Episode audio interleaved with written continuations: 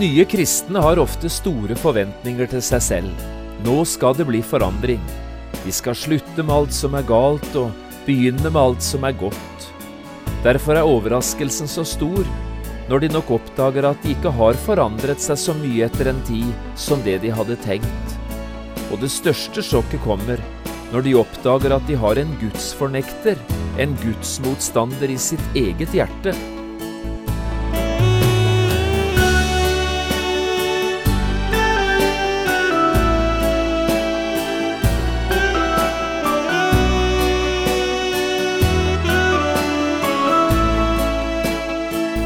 Hjertelig velkommen til et nytt program i serien Vindu mot livet.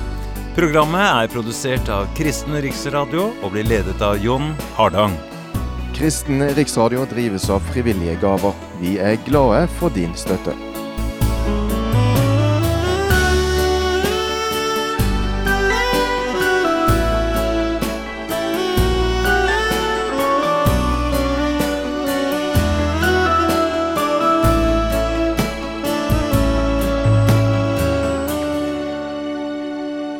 Vi er nå kommet fram til det sjette programmet i denne bibelundervisningsserien som jeg har kalt Ingen som Gud.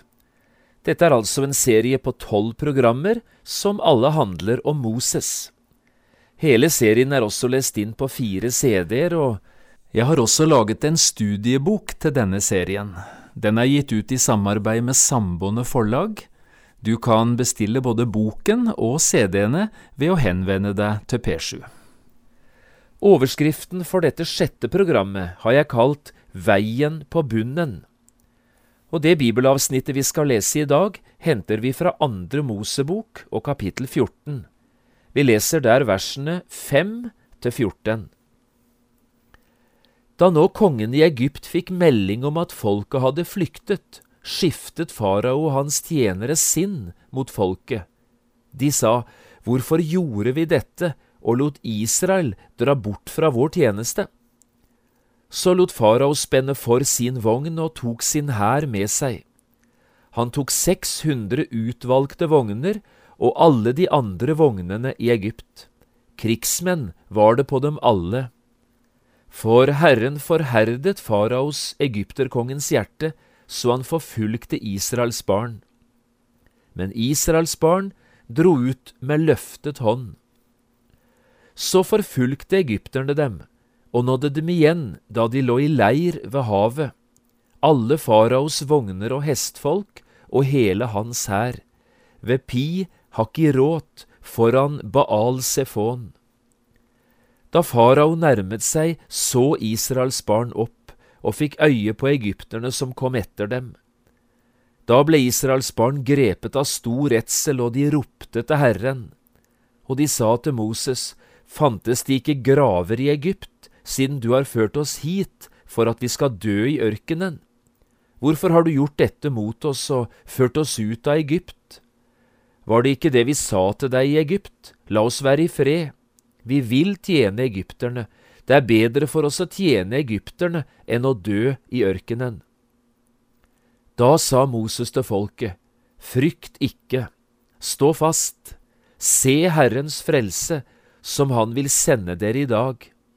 For slik dere ser egypteren i dag, skal dere aldri i evighet se det mer. Herren skal stride for dere, og dere skal være stille.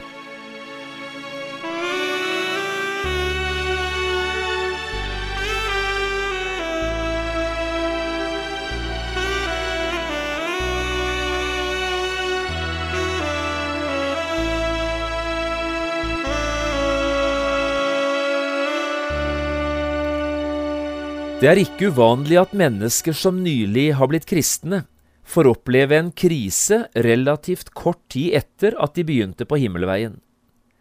Egentlig er dette ikke så rart.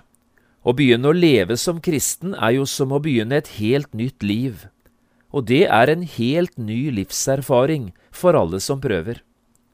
For det første trenger en tid til å venne seg til dette nye livet. Det tar tid å leve med Gud og det tar enda lengre tid å lære seg å leve godt med Gud. For det andre møter en kristen både kamp og motstand i livet, og det på punkt som en tidligere ikke har erfart kamp på. Det kan gå på forhold til andre mennesker. En møter mange slags fristelser. En kan oppleve både sviende nederlag og skiftende følelser. Og en må forsone seg med at vi fremdeles, selv om vi er blitt kristne, har en natur inni oss som absolutt ikke ønsker å leve slik Gud vil. Alt dette er vanskelige ting å forholde seg til. Men Gud lar oss møte alle disse forholdene, først som sist. Hensikten er at også vi, når vi møter vårt Røde hav, for å bruke bildet, skal lære oss å stole på Gud i vanskelige situasjoner. Men dette var ikke bare for Israel vanskelig og tungt å lære, det er sannelig en tung og vanskelig lekse å lære også for oss i dag. Israelittenes vandring gjennom Det røde hav er en av de store begivenhetene i Israels historie. Sjelden hadde folket følt seg så presset som denne dagen, og sjelden var opplevelsen av Guds frelse så sterk som akkurat der. Hvis det noen gang kan være snakk om et under, ja, så må det være her. Folk som er skeptiske til Bibelen, har selvfølgelig alltid hatt problemer med denne historien, det kan jo aldri ha skjedd på den måten som Bibelen forteller det. Det må ha vært et område med våtmark og kanskje et hav av siv, men Rødehavet? Nei. Den som har lært Gud å kjenne, har imidlertid aldri hatt de samme problemene. De vet at Gud er underets Gud. Og skulle Han som har skapt ikke bare Rødehavet, men hele verden, ja, hele universet, skulle han ha problemer med å splitte vannmassene i et hav? Jo da, for mennesker er dette umulig, men ikke for Gud, for alt er mulig for Gud. For troens mennesker er denne historien ikke en kilde til tvil, den er en kilde til lovsang. Både Andre Mosebok 14 og Andre Mosebok 15, to hele kapitler, har med Rødehavsopplevelsen å gjøre. I kapittel 14 får vi høre om den problematiske situasjonen som oppsto. Foran israelittene lå et mektig hav. Bak dem kom den store egypterhæren med en angrende farao i spissen. Men her frelste Gud sitt folk, og det på en ganske utrolig måte. Han åpnet en vei for dem, en vei på bunnen.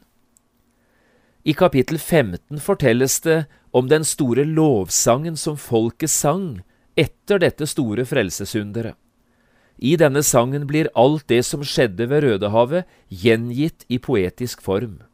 Og budskapet, det er ganske klart. Slik er vår Gud, så mektig er han, så stor. Og han er den samme i dag, han har ikke forandret seg.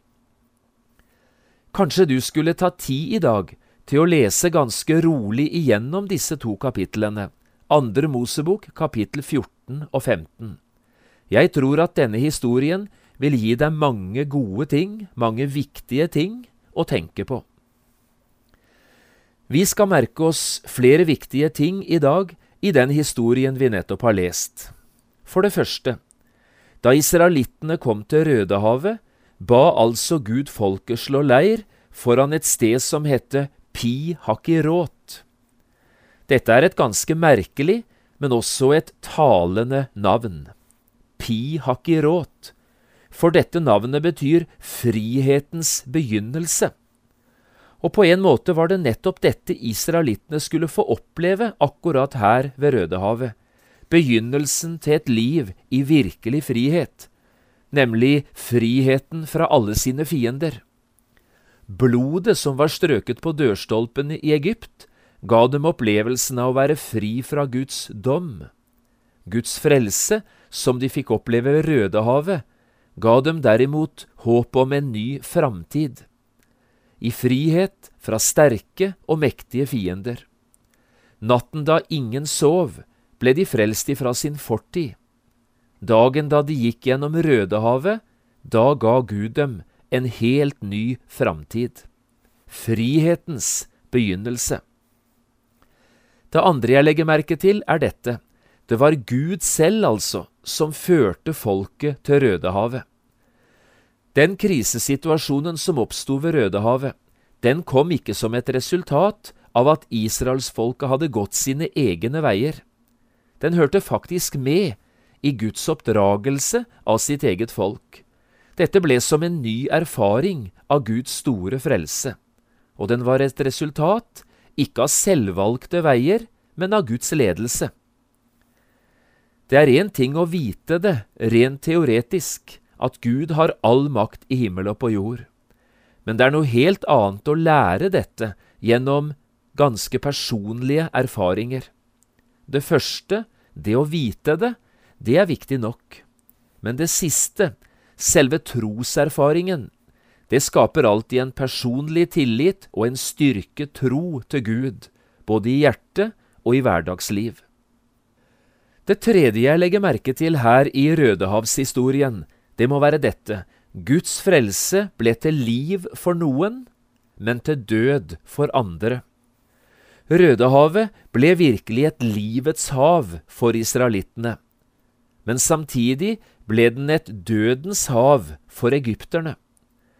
Det var det samme havet som lå foran dem, og det var den samme Gud de hadde med å gjøre, og Gud åpnet en vei gjennom Rødehavet både for israelittene og for egypterne. Men for noen ble dette altså en vei til livet, mens det for de andre ble en vei rett i døden. Slik er det egentlig alltid med Guds frelse. Tenk bare på Jesu frelsesverk. Dette er gjort ferdig for alle mennesker, gjort ferdig av Gud i Jesus.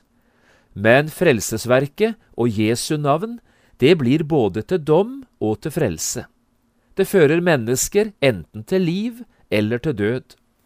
For den som tror på Jesus, ja, så betyr frelsesverket det evige liv. For den derimot som ikke vil tro, ja, så betyr nei til frelsesverket veien til evig død.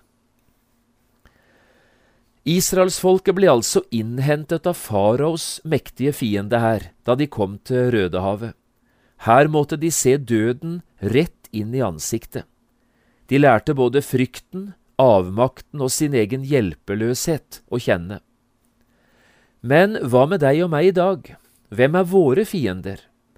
Og hva slags fiender må du og jeg forholde oss til i vårt liv som kristne. Hvem eh, møter oss når vi kommer til Rødehavet i vårt liv? Jo, det taler Bibelen ganske tydelig om. Bibelen taler om tre sterke fiender som alle står oss etter livet, og ikke ønsker at vi skal gå på Guds vei gjennom denne verden. Disse tre fiendene, det er djevelen, det er verden, og det er vår egen syndige natur. Alle disse tre fiendene truer med å føre oss i døden. De vil ha oss til helvete, ikke til himmelen. De nekter oss hjertefreden og vil heller fylle oss både med frykt og mismot og fortvilelse. Men historien om Rødehavet er historien om en Gud som er sterkere enn alle våre fiender til sammen. Dette visste Moses, og selv om også han sto der ved bredden av Rødehavet, skjelven og usikker, talte han til israelsfolket med en kraft og en trygghet som måtte bli lagt merke til. Frykt ikke, stå fast, se Herrens frelse. Herren skal stride for dere, og dere skal være stille. Nøyaktig det samme sier han til deg og meg i dag. Israelittene følte seg egentlig aldri ovenpå så lenge konflikten med egypterne varte. Tvert imot, det var helt andre følelser som rådet enn overmot. De ble grepet av stor redsel, leste vi her. De ropte til sin Gud, til Herren. De følte seg rett og slett helt på bånn, så lenge de sto midt i et hav av problemer. Og da de prøvde å komme seg unna fiendene, ja, så gikk de veien på bunnen. De var på bånn hele tida, fra første til siste skritt. Men de gjorde altså likevel som Herren sa, og deres frykt ble etter hvert erstattet med jubel og lovsang. Dette tror jeg er noe å tenke på også for deg og meg i dag, Også vi kan kjenne oss presset på mange måter i livet. Men hør, Gud er sterkere enn alle våre fiender til sammen. La oss se litt nærmere på disse tre fiendene som jeg allerede har nevnt navnet på. Djevelen, verden og vårt eget syndige kjød. Hele veien som kristne må vi forholde oss til disse fiendene og det er viktig at vi kjenner dem, slik at vi også har muligheter til å beseire dem. Den ene er altså djevelen. Navnet djevelen betyr rett og slett motstander. Og én ting er i alle fall sikkert. Denne fienden bærer sitt navn med rette. Han står Gud imot, og han står hele Guds folk imot. Jesus beseiret en dag djevelen på korset. Men selv om Satan har litt et avgjørende og endelig nederlag på langfredag, er han fortsatt aktiv i denne verden. Han prøver fortsatt så godt han bare kan å stjele og myrde og ødelegge, for å bruke de ordene Jesus en dag lærte oss i Johannes 10. Og djevelen, han er en listig fiende. Noen ganger kler han seg som en lysets engel, Fristelsene ser så ufarlige og tillokkende ut. Andre ganger går han omkring som en brølende løve. Da er vi ikke i tvil om hva det gjelder, nå er det fare på ferde. Den andre fienden er verden. Når vi snakker om verden, kan vi jo egentlig tenke på flere ting. Vi kan tenke på skaperverket, altså den tilværelsen som Gud har satt oss inn i for at vi skal leve her i verden hele vårt liv. Det er ikke dette vi tenker på når vi kaller verden for en fiende. Eh, vi kan også tenke på andre ting. Vi har for eksempel en del av våre medvandrere, medmennesker, som ikke tror på Jesus. De kan av og til også gjøre ting vanskelig for den som vil tro på Jesus, gjøre det problematisk å følge Jesus.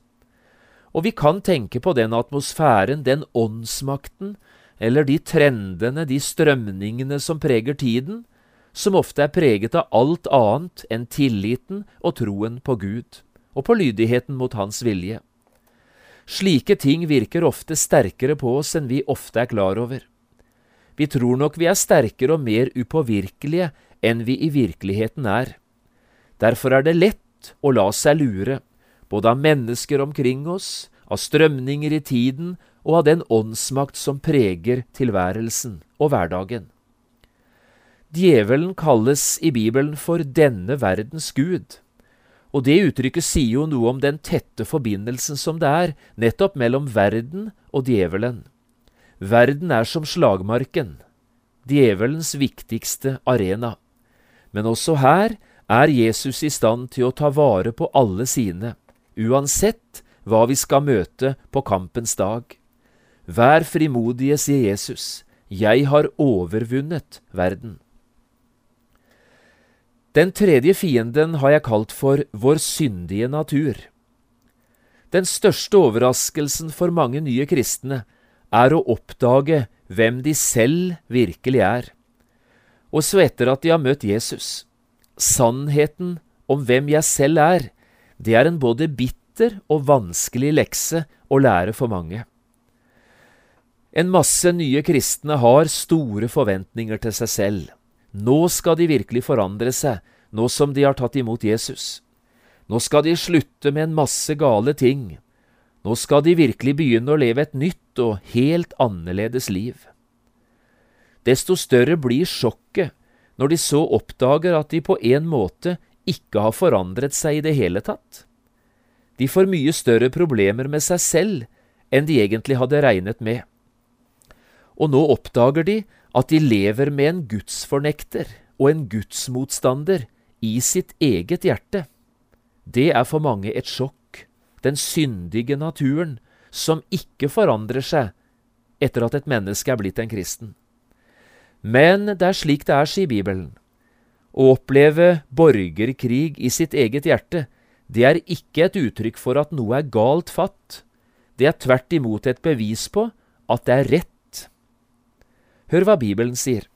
Kjødets attrå er jo fiendskap mot Gud, det er ikke Guds lov lydig, kan heller ikke være det. Romerne 8,7. Og Galaterbrevet 5,17. Ånden begjærer mot kjødet, og kjødet begjærer mot ånden. Dermed kan det jo ikke bli noe annet enn borgerkrig i en kristens liv. Din nye natur ønsker å gjøre Guds gode vilje, men ditt gamle jeg protesterer vilt. Du som hører dette, har du opplevd det jeg snakker om her? Forstår du hva dette handler om? Vi kan ikke nekte gamle Adam husrom, hørte jeg en gang, men vi kan nekte å gi han mat. Det synes jeg er en klok og praktisk måte å si det på, og jeg håper du forsto hva mannen mente. Vi kan ikke nekte gamle Adam husrom, men vi kan nekte han mat. Og så sier Bibelen at ditt gamle menneske fikk sin endelige dom i Kristi kors. Derfor, selv om du kjenner kreftene fra din egen syndige natur inni deg, dette skal ikke ødelegge himmelen for deg.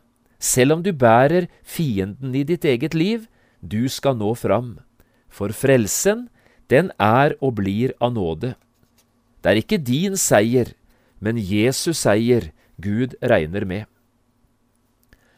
Og så til slutt, i andre Mosebok 15, i kapitlet som kommer rett etter historien om overgangen av Det røde hav, så får vi høre israelsfolkets lovsang. Etter at de nå er kommet velberget gjennom havet, begynner de å synge.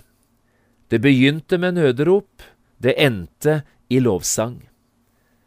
Dette er den kristne lovsangens viktigste kjennetegn. Den blir alltid født i en personlig erfaring av Guds store frelse. La oss lese de tre første versene av lovsangen som israelittene sang her ved Rødehavet. Hør på dette. Jeg vil lovsynge Herren, for han er høyt opphøyet. Hest og rytter styrtet han i havet. Herren er min styrke og min lovsang. Han ble meg til frelse. Han er min Gud, og jeg vil prise Han, min fars Gud, og jeg vil opphøye ham. Herren er en stridsmann, Herren er hans navn. Rødehavsopplevelsen var altså ikke bare oppgjøret med folkets fortid. Den ga også trygghet for veien videre.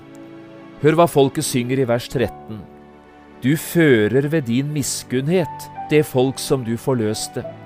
Du leder dem ved din kraft til din hellige bolig. Det forteller oss én ting. Bare en ordnet fortid kan gi en trygg framtid.